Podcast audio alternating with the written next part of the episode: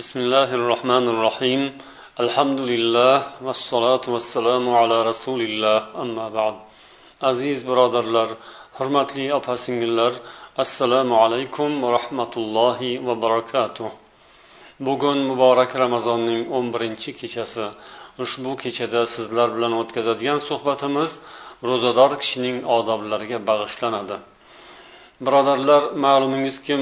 Inson bu dunyoda xulqu odobga rioya qilib yashashi lozim bo'ladi. Ro'zador odamdan ham talab qilinadigan bir qancha odoblar borki ularni ikki qismga bo'lishimiz mumkin. Birinchi qism vojib odoblar. Bu odoblarga rioya qilish lozim shart farz. Agar bu vojib odoblarga rioya qilinmasa inson gunohkor bo'ladi. Ikkinchi qism odoblar borki ularni biz sunnat yoki mustahab odoblar sirasiga kiritamiz. Ularga ham rioya qilish mo'min odamning o'ziga juda katta foydalarni keltiradi. Agar rioya qilmasa gunohkor bo'lmagan taqdirda ham qandaydir zararlarga duchor bo'ladi.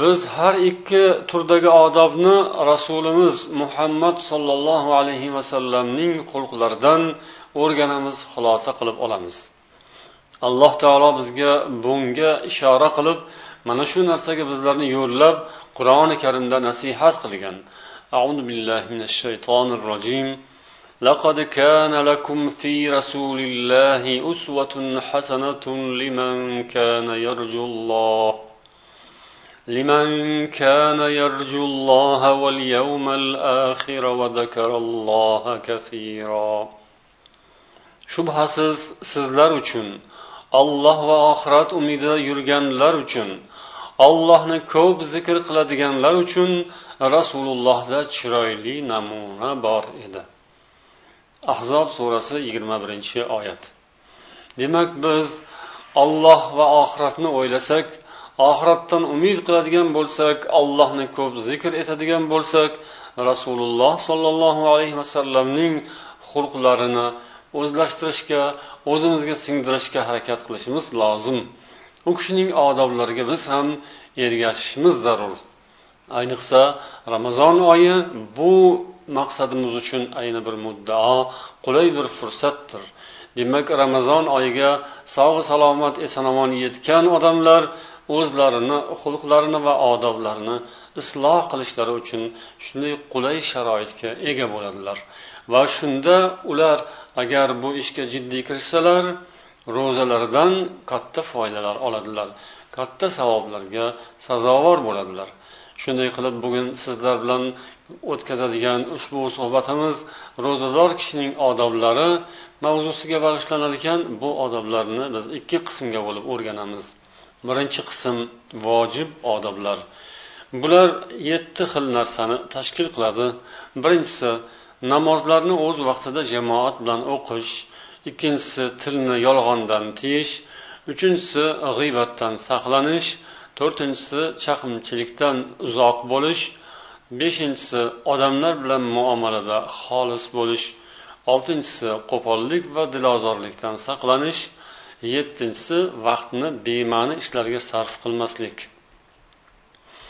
Namozlarni o'z vaqtida jamoat bilan o'qish yoki undan keyingi keladigan boshqa odoblar bular vojib odoblar va har bir musulmon uchun ramazondan boshqa kunlarda ham rioya qilinishi talab qilinadigan ishlar.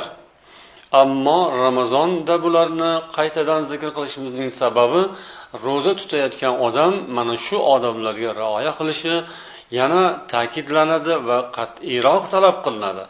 Chunki uning ro'zasi bor mana shu ramazon ro'zasi chiroyli ado etilishi uchun va alloh huzurida maqbul bo'lishi uchun buning atrofidagi ishlarga ham jiddiy ahamiyat qaratish kerak. Boshqa odoblarni boshqa ibodatlarni ham rioyasini qilish kerak bo'ladi. Jumladan namozni o'z vaqtida jamoat bilan o'qish bu ro'za kunida qat'iyroq ta'kidlanadi. Bilasizlar namoz shahodatayn ikki shahodat kalimasidan keyingi islomning asosiy rukunlaridan biri asosiy ustunlardan biri. Namozni o'z vaqtida uning rukunlari bilan vojibu sunnatlari shartlari bilan jamoatda birgalikda ado qilishga har bir musulmon harakat qilishi lozim. Iloji bo'lganicha farz namozlarni masjidlarda jamoat bilan o'qish lozim. Bu insonning taqvosiga dalolat qiladi. Taqvo esa mana bu ro'zadan ko'zlangan maqsad. Alloh laallakum tattaqun dedi. Shoyatki sizlar taqvodor bo'lsalaringiz dedi. Demak ro'za tutar ekanmiz maqsadimiz taqvo hosil qilish. Endi shu taqvo hosil qilishning boshqa omillarini ham biz e'tibordan soqit qilishimiz mumkin emas. Demak namozni agar biz o'z vaqtida o'qimasak masjidlarda jamoat bilan birgalikda o'qishga harakat qilmasak imkoniyatimiz bo'la turib agar biz bu ishga intilmasak demak bizning taqvoyimizning pastligi bo'ladi. Unaqa past taqvo ro'za tutgan bilan ham kuchaymaydi.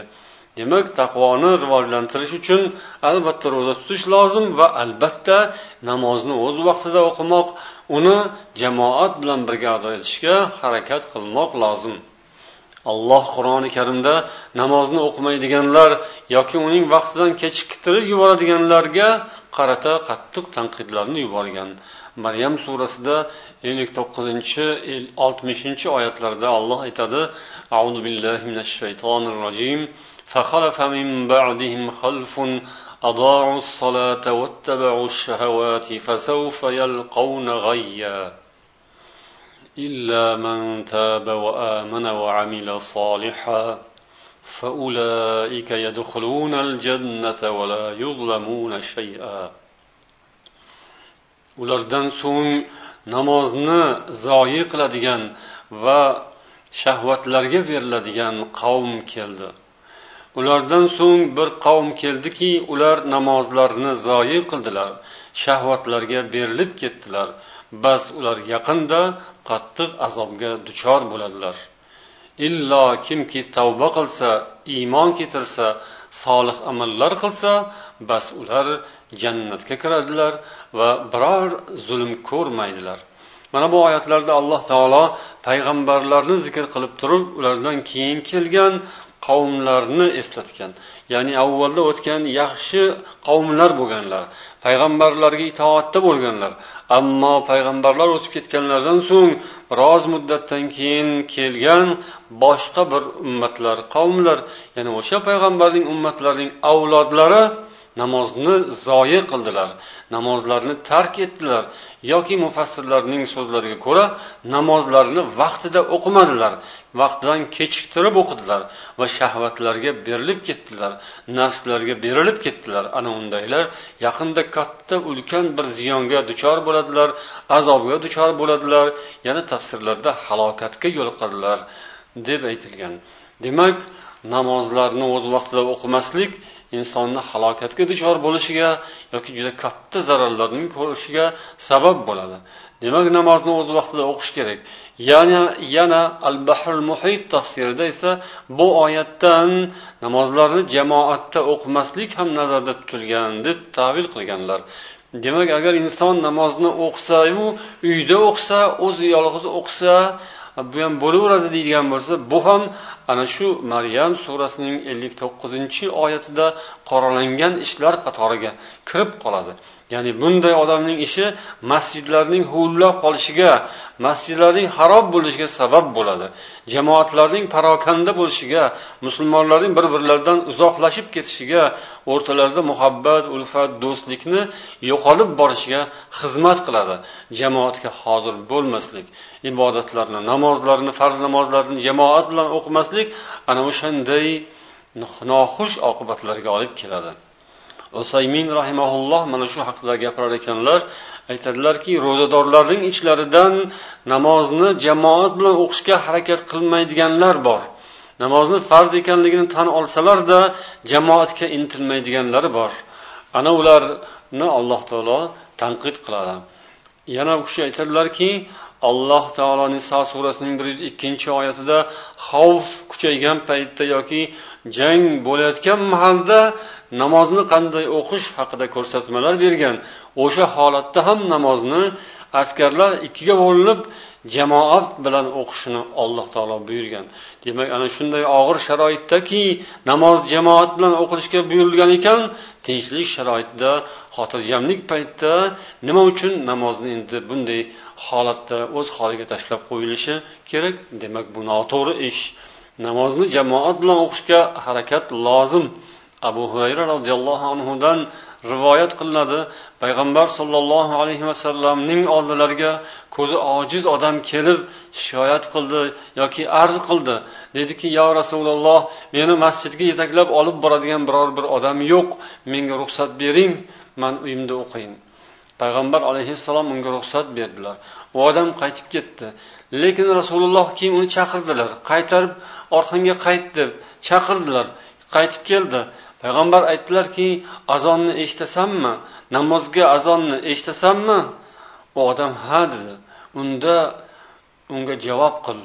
Ya'ni azonni eshitganingdan keyin jamoatga chiq dedilar muslim rivoyatlari. Demak payg'ambarimiz sollallohu alayhi vasallam ko'zi ojiz odamga ham namozni jamoatni tark etishni namozni jamoat bilan o'qishdan o'qishdan uzoqlashishni istamadilar. Hatto ko'zi ojiz odam bo'lsa ham jamoatga kelishi lozimligini ta'kidladilar. Demak kimki namozni jamoat bilan o'qishdan oqsasa yoki uzoq bo'lsa u o'zini o'zi juda ham ko'p yaxshiliklardan hasanotlardan mahrum qilgan bo'ladi. Chunki payg'ambar sollallohu alayhi vasallamdan rivoyat bo'lgan sahihaynda kelgan hadisda aytiladi solatul jamoati tafdulu ala solatil faddi bi sab'in va ishrina darajatan. Jamoat namozi yolg'iz o'qilgan namozga qaraganda yigirma yetti daraja ortiq bo'ladi. Ana shunday yigirma yetti marotaba ortiq bo'ladigan savoblarni inson o'zidan o'zi nari qilib qo'yadi. Bu esa taqvoning pastligi dinning sustligi iymonning zaifligidandir. Chunki iymoni kuchli odam oxirat g'amida bo'ladi va ko'proq savob olib olishga qayerdaki bir imkoniyat bo'lsa yaxshi ish savobli ish ana shuni ketidan yurishga va shu yaxshilikni qo'lga kiritishga harakat qiladi. Yana usaymin rahimaulloh aytadilarki jamoatga intilmaydigan odam bu musulmonlarning o'zaro oralaridagi muhabbat va ulfat inoqliklariga rahna solishga hissa qo'shgan bo'ladi. U yana dinni tushunmaydigan bilmaydigan odamlarga dinni o'rgatish yoki muhtojlarning holidan xabar olish kabi xayrli ishlardan ham uzoq bo'lib ketadi. mana shu namozni jamoat bilan o'qishga intilmaslikning o'zi deydilar samin rahimaulloh munofiqlarning holiga o'xshash bo'lib qoladi o'zini o'zi munofiqlarga o'xshatib qo'yadi bu odam sahihaynda abu hurayra roziyallohu anhudan rivoyat bo'lgan payg'ambarimiz sollallohu alayhi vasallam dedilar asqalu salovati alal munafiqina salatul isha va salatul fajr ولو يعلمون ما فيهما لأتوهما ولو حبوا namozlarning ichida munofiqlar uchun eng og'ir keladigani xufton va bomdod namozidir agar ular bu ikki namozda mavjud bo'lgan yaxshiliklardan xabar topganlarida edi bu ikki namozga emaklab bo'lsa ham kelgan bo'lardilar dedilar ولقد هممت أن آمر بالصلاة فتقام ثم آمر رجلا فيصلي بالناس men shunday bir shunday bir niyat qildim. Shu ishni bir qilgim keldi. Ya'ni odamlarga namozga azon aytishni buyurib namozga takbir ayttirib odamlarni namozga chaqirib bir odamni imom qilib qo'yib uning orqasida namoz o'qishga buyurishni undan keyin esa bir odamni olib o'tin terishga o'zim ketishni keyin o'tin yig'ib kelib namozga jamoatga hozir bo'lmaydiganlarni hammalarining uylarini yondirib yuborishni hammalarining uylariga o't qo'yib yuborishni hatto ko'nglimdan o'tkazdim deydilar yana payg'ambar sollallohu alayhi vasallamning sahobalaridan abdulloh ibn masud roziyallohu anhu aytadilar من سره أن يلقى الله غدا مسلما فليحافظ على هؤلاء الصلوات kimki ertaga ollohga musulmon holida ro'baro bo'lishni xohlasa mana bu namozlarni mana bu namozlarni vaqtida chiroyli o'qishga munodi munodiy ya'ni muazzin chaqirgan yerda borib ado etishga harakat qilsin. Chunki alloh taolo sizlarning payg'ambaringizga hidoyat sunnatlarini joriy qilgan. Mana shu namozni jamoat bilan o'qish payg'ambarning hidoyat sunnatlaridan biridir. dedilar ibn masud yana davom etib aytdilarki وما يتخلف عنها إلا منافق معلوم النفاق ya'ni biz o'sha zamonda bu namozlardan jamoat namozlaridan faqat ochiq oydin hamma biladigan munofiqlargina oqsashlarini ko'rganmiz Ya'ni faqat munofiqlargina shu namozlardan kech qolardilar. Ya'ni jamoat namozlariga yetib kelmasdilar. Jamoat namozlaridan doimo orqada qolardilar.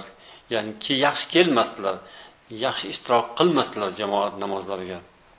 Biz hatto shunday holatlar bo'lardiki yurolmaydigan odamni ham ikkita odamni o'rtasiga olib qo'ltig'idan olib namozga safga turg'izib qo'yardik.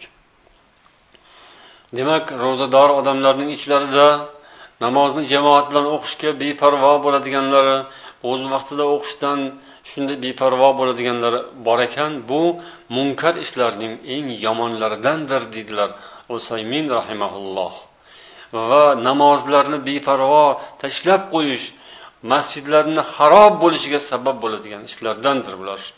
Shuning uchun ulamolardan shundaylar bo'lganlarki kimki namozni o'z vaqtidan uzrsiz shar'iy uzrsiz tahir qilib uzoqlashtirib qo'yadigan bo'lsa keyinga suradigan bo'lsa qazo qiladigan bo'lsa u odam u yuz marta o'sha namozni yuz marta qazo qilsa ham endi o'rniga o'tmaydi. Deganlari bo'lgan. Chunki bunday ish namozni qazo qilib kechiktirib boshqa vaqtda o'qish rasulullohning shariatlarini dinlarini o'zgartirish bo'ladi. Alloh asrasin. Unday ish payg'ambar alayhissalom man amila amalan laysa alayhi amruna fahuva raddun deganlar bizning ishimizdan bo'lmagan bizga to'g'ri kelmaydigan boshqacha ishni qiladigan odamlar ularning ishlari rad etiladi deganlar. Imom muslim rivoyatlari mana shu hadisni hujjat keltirib bu olim aytadilarki namozni o'z vaqtidan boshqa vaqtda o'qish rasulullohning ishlaridan boshqa ish bu. Shuning uchun u rad etiladi shuning uchun ba'zi ulamolar bu namozni qabul bo'lmaydi ham deyishgan ya'ni mubolag'a qilib o'z vaqtida demak namozni o'qishga inson harakat qilmog'i lozim ba'zi odamlar tarovohni o'zim uyda bemalol uzoqroq o'qiyman degan sababni ko'rsatib demak xufton namoziga ham kelmay qo'yishi demak bu noto'g'ri. Taroveh namozi xayr sunnat lekin xufton namozi farz farzni jamoat bilan o'qish kerak masjidda o'qilishi lozim. Tarovihni ham masjidda ko'pchilik bilan o'qilganda bu islom shiorlariga hissa bo'lib qo'shiladi masjidning obodligini u ham ta'minlagan bo'ladi shu xayrli ishga. Bu ham hissa qo'shib xizmat qilgan bo'ladi. Demak namozlarni uyda o'qish biror bir sabab bilan demak bu hozirgi aytilayotgan qandaydir dunyoviy sabablar bilan mumkin emas. Agar uxroviy sabablarni ham aytadigan bo'lsa unda o'ylab ko'rish kerak. Qani o'sha keltirayotgan vaj sabab to'g'rimi asoslimi islomga muvofiq keladimi yoki biz o'zimizning nafsimizga yoqqanidan shunday bir diniy niqobga o'rab turib biz gapirmayapmizmi ish qilib? Bu haqda demak jiddiy o'ylab ko'rish kerak va demak albatta farz namozlarni jamoat bilan masjidda o'qishga harakat qilmoq lozim. Ro'zador odam rioya qilishi lozim bo'lgan vojib odoblarning ikkinchisi tilni yolg'ondan tiyishdir. Alloh taolo va rasulimiz musulmonlarga yolg'on gapirishni harom qilishgan. Mo'min musulmon odam voqelikka xilof keladigan narsani rost deb gapirish mumkin emas. Borini bor yo'g'ini yo'q deyish kerak bo'ladi. Yolg'onlarning eng yomoni allohu rasulga qarshi yolg'on gapirish. Ya'ni ular aytmagan narsani aytdilar deb alloh va payg'ambarimizga nisbat berish yolg'onlarning bo'xtonlarning eng yomonidir. Dinda yo'q narsani bor deb ko'rsatish yoki borni yo'q qilib ko'rsatish halolni harom deb haromni halol deb tavsiflash bu eng yomon yolg'ondir. Olloh bunday kimsalarga qattiq azob bo'lishini aytib ogohlantirgan. Undan keyin esa mo'min musulmonlar o'zaro oralarida ham jamiyatda odamlar bilan bo'ladigan munosabatlarda ham yolg'ondan tiyilishlari lozim. rasululloh sollallohu alayhi vasallam إياكم والكذب فإن الكذب يهدي إلى الفجور وإن الفجور يهدي إلى النار dedilar sizlar yolg'ondan saqlaningiz yolg'on chunki yolg'on insonni fujurga fisq fujurga boshlaydi fisqu fujur esa insonni jahannamga boshlaydi inson agar yolg'on gapirishda davom etar ekan yolg'on gapirishga harakat qilaverar ekan u oxiri olloh huzurida kaddob deb yozilib qoladi. Muttafaqun alayh. Demak ro'zador odam tilini yolg'ondan tiyish kerak. Aslida ro'zadan boshqa paytda ham inson yolg'ondan ehtiyot bo'lishi kerak uzoq bo'lishi kerak. Ro'zada esa bu nihoyatda qattiq ta'kidlanadi. Uchinchi odob. Vojib odoblarning uchinchisi g'iybatdan saqlanish. G'iybat ham odamlar o'rtasida tarqalgan yomon odatlardan biri. Musulmon odam bundan o'zini saqlash lozim. G'iybat deganda bir insonni unga yoqmaydigan sifatlar bilan gapirish. Masalan uning o'zida mavjud bo'lgan narsalarni ham agar yoqimsiz narsa bo'lsa uni gapirilsa bu ham g'iybat bo'ladi.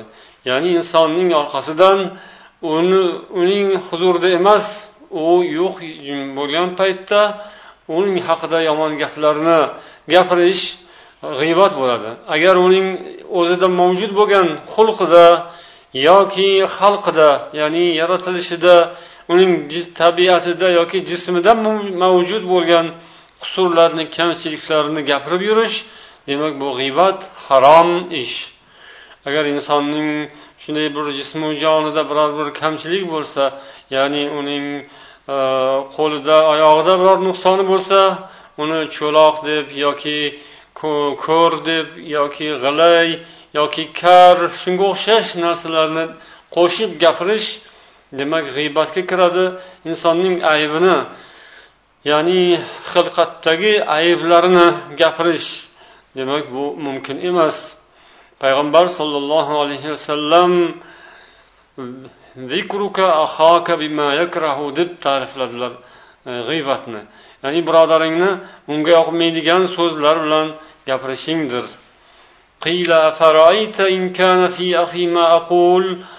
Agar men birodarimni haqida gapirayotganda unda bor narsani gapiraversamchi unda nima bo'ladi nima deb o'ylaysiz? deb so'radi bir odam. Payg'ambar alayhissalom aytdilar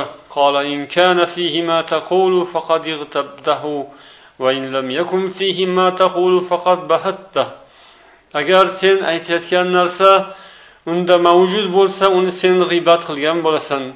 Agar unda yo'q narsani gapirsang sen unga tuhmat qilgan bo'lasan dedilar ravohi muslim. Alloh taolo musulmonlarni g'iybatdan qaytargan. Qur'oni karimda alloh taolo g'iybatni juda ham yomon ko'rinishda tasvirlagan yomon holatda ekanini ko'rsatgan. Inson agar bir musulmonni birodarini g'iybat qiladigan bo'lsa uning go'shtini o'lik holda yegan bilan barobarlashtirgan. Ana shunday og'ir holat ana shunday xunuk yomon narsa musulmonning haqida uning yo'g'ida g'oyibdan orqasidan gapirish g'iybat qilish olloh ham payg'ambar ham qoralagan jinoyat yomon ish. Payg'ambarimiz sollallohu alayhi vasallam meroj kechasi bir qavmning oldidan o'tganlarini hikoya qilib berganlar. U qavmning tirnoqlari misdan temirdan tirnoqlari misdan ekan. O'zlarini o'zlari yuzlarini yuzlarini timdalayotgan ekanlar. Ko'kraklarini o'sha mis tirnoqlar bilan qonatib tatalab timdalayotgan ekanlar. O'zlarini o'zlari shunday azoblayotgan ekanlar. Payg'ambar alayhissalom man haula jibril? dedilar. Bular kim bo'ldi ey jibril? Shunda jabroil alayhissalom aytdilar هؤلاء الذين يأكلون لحوم الناس ويقعون في أعراضهم رواه أبو داود bu odamlar insonlarning go'shtlarini yeydigan odamlar ularning odamlarning obro'sini to'kadigan insonlardir dedilar demak bu dunyoda musulmonning obro'sini to'kish bilan mashg'ul bo'lgan va bu ishdan tavba qilmagan bu yo'lidan qaytmagan odamlarning oxiratdagi azoblaridan biri mana shunday bo'ladi Ular o'zlarini o'zlari shunday hmm, mis temir tirnoqlari bilan tindalab azoblaydilar. Hammaning oldida sharmanda bo'ladilar. Alloh asrasin. Yana musulmon odam rioya qilishi lozim bo'lgan vojib odoblardan biri chaqimchilikdan uzoq bo'lish. Chaqimchilik chaqimchilik bu odamlarning o'rtasini buzadigan do'stlarni bir biriga teskari qiladigan katta gunohlardan biri. Payg'ambar alayhissalom bu haqda ya'ni chaqimchilar haqida la yadxulul jannata dedilar muttafaqun alayh. Chaqimchi odam jannatga kirmaydi. Buzg'unchi fasod tarqatadigan fitnalar qiladigan gaplarni odamlarni gapini bir biriga teskari qilib yetkazib yoki ohangini boshqacha qilib gapirib o'rtani buzishni niyat qilgan qasd qilgan odamlar chaqimchilar bo'ladi. Yoki mm, amaldorroq odamlarga hukumat odamlariga boshqa bir odamning haqida yomon ma'lumotlarni yetkazib uning agar ayblar bo'lsa uni ochib fosh qilib chaqimchilik qiladiganlar xoh yozib berish xoh og'iz bilan borib yetkazish bunday insonlar juda ham yomon jinoyat qilgan bo'ladilar. Alloh huzurida ham payg'ambar huzurida ham ular qoralanadilar ular azoblanadilar. Payg'ambar alayhissalom yana sahihaynda kelgan hadisda abdulloh ibn abbosdan rivoyat qilingan hadisda aytiladiki rasululloh sollallohu alayhi vasallam ikkita qabrning oldidan o'tdilar. Shunda aytdilarki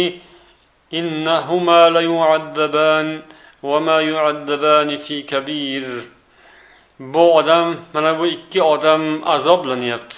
Shubhasiz bular azob tortyapti hozir. Ammo ular katta gunoh ustida azoblanayotganlari yo'q.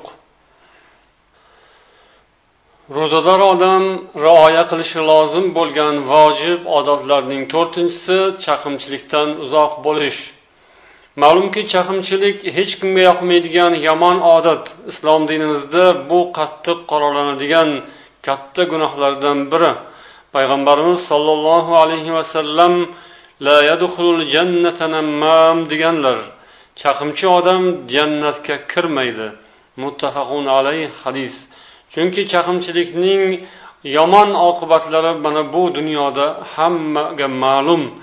Chaqimchi odamlar bular musulmonlarning sirlarini insonlarning sirlarini boshqa odamlarga dushmanlarga yetkazadigan yoki shaxslarning o'rtasida gap tashib gapni teskari qilib dushmanlikni kuchaytiradigan odamlar o'rtasini buzadigan do'stlarni bir biriga teskari qiladigan adovat ig'vo fitna bo'xton urug'larini sochadigan yaramas odam chaqimchi bo'ladi. Unday inson demak jannatga kirmaydi. Chaqimchilikning turi ko'p.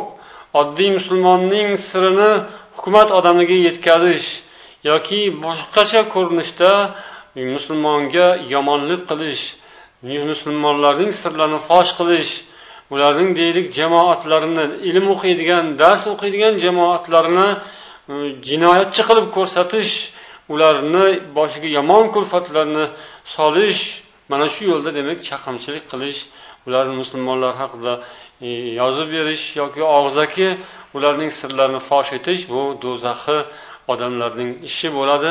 Bundan inson uzoq bo'lishi kerak ayniqsa ramazon paytida ro'za paytida nihoyatda uzoq bo'lish kerak. Ramazondan boshqa paytda ham chaqimchilik degan balo bir pastkashlikdan inson o'zini nihoyatda uzoq olib yurmog'i lozim bo'ladi. Payg'ambarimiz sollallohu alayhi vasallam sahihaynda kelgan hadisda ikki qabr oldidan o'ta turib aytdilar إنهما ليعذبان وما يعذبان في كبير أما أحدهما فكان لا يستنزه من البول وأما الآخر فكان يمشي بالنميمة mana bu ikki odam bir qattiq gunoh tufayli azoblanyapti ularning biri siydiqdan o'zini saqlamas edi Ikkinchisi esa chaqimchilik bilan yurar edi. Chaqimchilik qilib yurar edi. Demak chaqimchilik bu insonni ham jamiyatni ham buzadigan musulmonlar o'rtasini parokanda qiladigan dushmanlarga keng yo'l ochib beradigan islom dushmanlariga musulmonlarning musulmonlarning hayotlarini musulmonlarning manfaatlarini islom dushmanlariga shunday yem qilib go'sht qilib beradigan yaramas illat. Bunday odamlardan islom bezor musulmonlar ham bezor. Inson ana shunday chaqimchilikka aralashib qolishdan o'zini ehtiyot qilishi lozim. Yana rioya qilishimiz lozim bo'lgan vojiblarning vojib odoblarning beshinchisi odamlar bilan muomalada xolis bo'lish.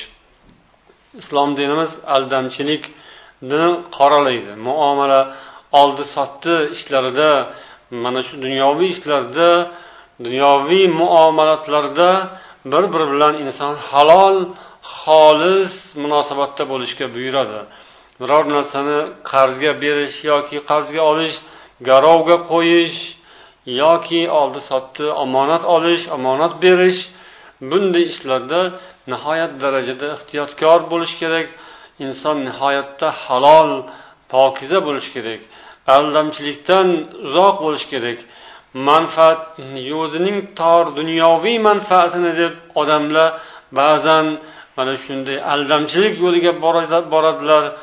Ba'zi bir omonatlarni egasiga yetkazishda ko'ngillarini dillarini to'g'ri qilishning o'rniga o'sha omonatdan nimanidir uzib olishga nimanidir o'zlariniki qilib o'zlashtirib olishga harakat qilishlari yoki olayotganda narsani ko'proq olib sotayotganda kamroq qilib sotish tarozidan yoki metrdan urish bular aldamchilik g'ish. Bunday narsalar musulmon odam uchun harom. Kimki bizni aldasa bas u bizdan emas deganlar payg'ambar sollallohu alayhi vasallam. Demak aldamchilik qilish omonatga xiyonat qilish insonlar o'rtasida ishonchni yo'qotadi. O'sha odam baribir baribir odamlarga ma'lum bo'lib qoladi. Qo'li egri odam dili egri odam omonatga xiyonat qiladigan odam ishonchsiz odam bo'lib taniladi.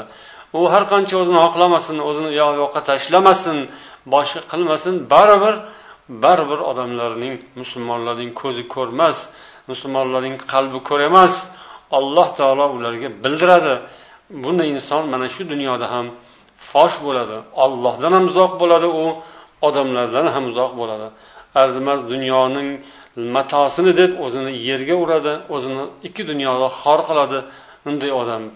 Alloh ana shunday pastkashlikdan musulmonlarni uzoq bo'lishga chaqiradi. Ramazon insonlarni shunday halolu pokiza xolis insonlar bo'lishga o'rgatadi. oltinchi vojib oltinchi vojib odob qo'pollik va dilozorlikdan saqlanish demak ro'za faqatgina yemog'u ichmoqdangina o'zini tiyish emas balkim muomalasini tuzatishdir payg'ambarimiz sollallohu alayhi vasallam dedilar laysa siyamu minal akli va shurbi va innama siyamu minal lawi va rafas فإن سابك أحد أو جهل عليك فقل إني صائم ro'za faqat yemog'u ichmoqdan tiyilishning o'zi emas. Ro'za bu behuda so'zlardan uyatsiz ishlar yoki so'zlardan o'zini tiyishdir. Bas agar sen bilan birov so'kishib qolsa yoki senga bir johillik nodonlik qilsa sen unga men ro'zaman deb aytgin dedilar payg'ambar alayhissalom. Ibn huzayma ibn hibbon va hokim rivoyat qilgan hadisda. Yana rasululloh sollallohu alayhi vasallam aytdilar rubba soimin laysa lahu min siyamihi illa al-ju'u va rubba qoimin laysa lahu min qiyamihi illa as-sahar shunday ro'zadorlar ham bo'ladiki ularning ro'zalaridan faqat ochligu faqat ochlikdan boshqa hech narsa bo'lmaydi. Ya'ni ro'zadan faqat ochlik topadilar xolos savob topmaydilar. Ya'ni shunday qoyim kechasi turib namoz o'qiydiganlar bo'ladiki ular bu ishlaridan faqat uyqusizlik orttiradilar xolos. Boshqa narsa yo'q. Ya'ni ro'za tutadilar och qolib tashna bo'ladilar faqat topganlari mana shu xolos savob topmaydilar. Yoki kechasi turib ibodat qiladilar faqat shu turib uyqudan qolganlari qoladi xolos. Biron foyda ko'rmaydilar chunki ularning xulqi yomon. Ular tillarini dillarini tuzatmagan odamlar ular behuda ishlardan o'zlarini tiymagan ular o'zlarini isloh qilolmagan o'zlarini behuda lag'u fisqu fujuru ana shunday narsalardan tuzata olmagan insonlar ular demak ro'zalaridan va qiyomlaridan ko'p foyda ola olmaydilar. Ro'za ibodati insonni alloh taologa yaqinlashtiradigan ulug' ibodat. Insonning nafsini ruhini tarbiya qiladigan ajoyib bir ibodat. Ana shu ko'zlangan hikmat ilohim bizga bizga foydasi tegsin. Ro'zamiz ishqilib bizda taqvo paydo bo'lishiga va xulqlarimizni muomalamizni chiroyli bo'lishiga sabab bo'lsin. Odamlar bizdan ozor chekmasinlar. Dilozor bo'lib qolishdan alloh taolo o'zi panoh bersin. Muomalalarimiz qo'pol bo'lsa tilimiz achchiq bo'lsa munosabatlarimiz xunuk bo'lsa muomalamiz sovuq bo'lsa bunday holatda ro'zamizdan nima foyda?